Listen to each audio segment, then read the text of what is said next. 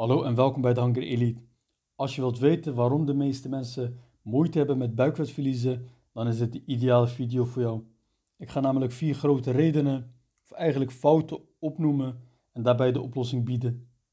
We gaan verder kijken dan alleen dat buikvet door ongezond eten komt, want iedereen weet al dat je met ongezond eten niet van buikvet zal afkomen. Voordat we starten wil ik even duidelijk maken dat buikvet geen apart vetgedeelte is. Vet is één geheel. Van het vet rondom je buik af te komen, zal het vet in zich heel omlaag moeten. De reden dat er rondom de buik meer vet aanwezig is, is omdat daar de maag is, dus waar het vet zich uitstoot. Je kunt het als metaforisch voorbeeld vergelijken met een put. Als een put vet of olie lekt, dan verspreidt het zich, maar rondom de put ligt het meeste. Tijdens het schoonmaken of opdrogen van de put, wat dus te vergelijken is met vetverlies, begint het met de dunne laagjes erbuiten en als laatste is de put zelf schoon en opgedroogd. Laten we nu kijken naar de vier redenen waarom mensen moeite hebben met het verliezen van buikvet. Nummer 1. Een trage stofwisseling. Een ander woord voor stofwisseling is metabolisme. Als deze traag is, wordt het moeilijker om van het vet af te komen. Hoe actiever deze is, hoe makkelijker het lichaam calorieën kan verbranden.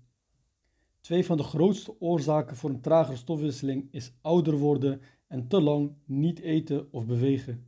Je hebt vast wel eens ooit iemand horen zeggen: Toen ik 16 was, kon ik alles eten en bleef ik slank, maar na mijn dertigste is elke slechte hap meteen terug te zien. Maak je echter geen zorgen, want ook al word je ouder, er is een oplossing hiervoor en die zal ik zo opnoemen. De stofwisseling heeft actie nodig om te blijven draaien. Als jongeling is je lichaam in de groei en veranderen je hormonen en cellen vaak. Ook bij regelmatig eten en bewegen wordt de stofwisseling actief, omdat het dan constant bezig is met de voedingsstoffen om die te veranderen in energie voor het lichaam. Twee oplossingen om een tragere stofwisseling sneller te krijgen zijn vaker eten, maar dan in kleinere porties en regelmatig sporten en dan is krachttraining ideaal.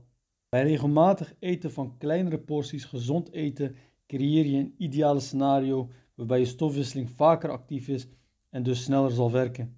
Het is niet voor niets dat bodybuilders om de twee uurtjes eten. Hun stofwisseling wordt beter en het lichaam verkeert zich dan in anabolische staat. Dat zorgt ervoor dat spiermassa opbouwen en vet verbranden perfect worden gecombineerd. Waarom krachttraining ideaal is voor een snelle stofwisseling, is omdat het net zo gaat werken als in je tienertijd. Alleen toen was de stofwisseling erg vaak actief vanwege lichaamsgroei en nu vanwege spiergroei. Al train je maar drie keer in de week, zal het verschil toch enorm zijn. Want ook op de dagen dat je niet traint, zal het lichaam volop bezig zijn om je spieren te laten herstellen en opbouwen. Nummer 2. Calorieën inschatten in plaats van zeker weten. Dit overkomt erg veel mensen. Ze letten op hun voeding, maar vergeten behoorlijk wat calorieën mee te rekenen.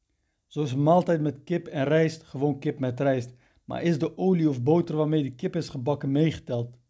En is er voor meer smaak een saus bij het eten gebruikt? Om een voorbeeld te geven als het om misverstanden gaat, 1 eetlepel pindakaas kan 10 gram, maar ook 40 gram zijn. Het past er allebei op, maar het verschil tussen 10 gram pindakaas en 40 gram is maar liefst 194 calorieën. Hiermee zie je dat het gebruiken van een keukenweegschaal helemaal geen slecht idee is.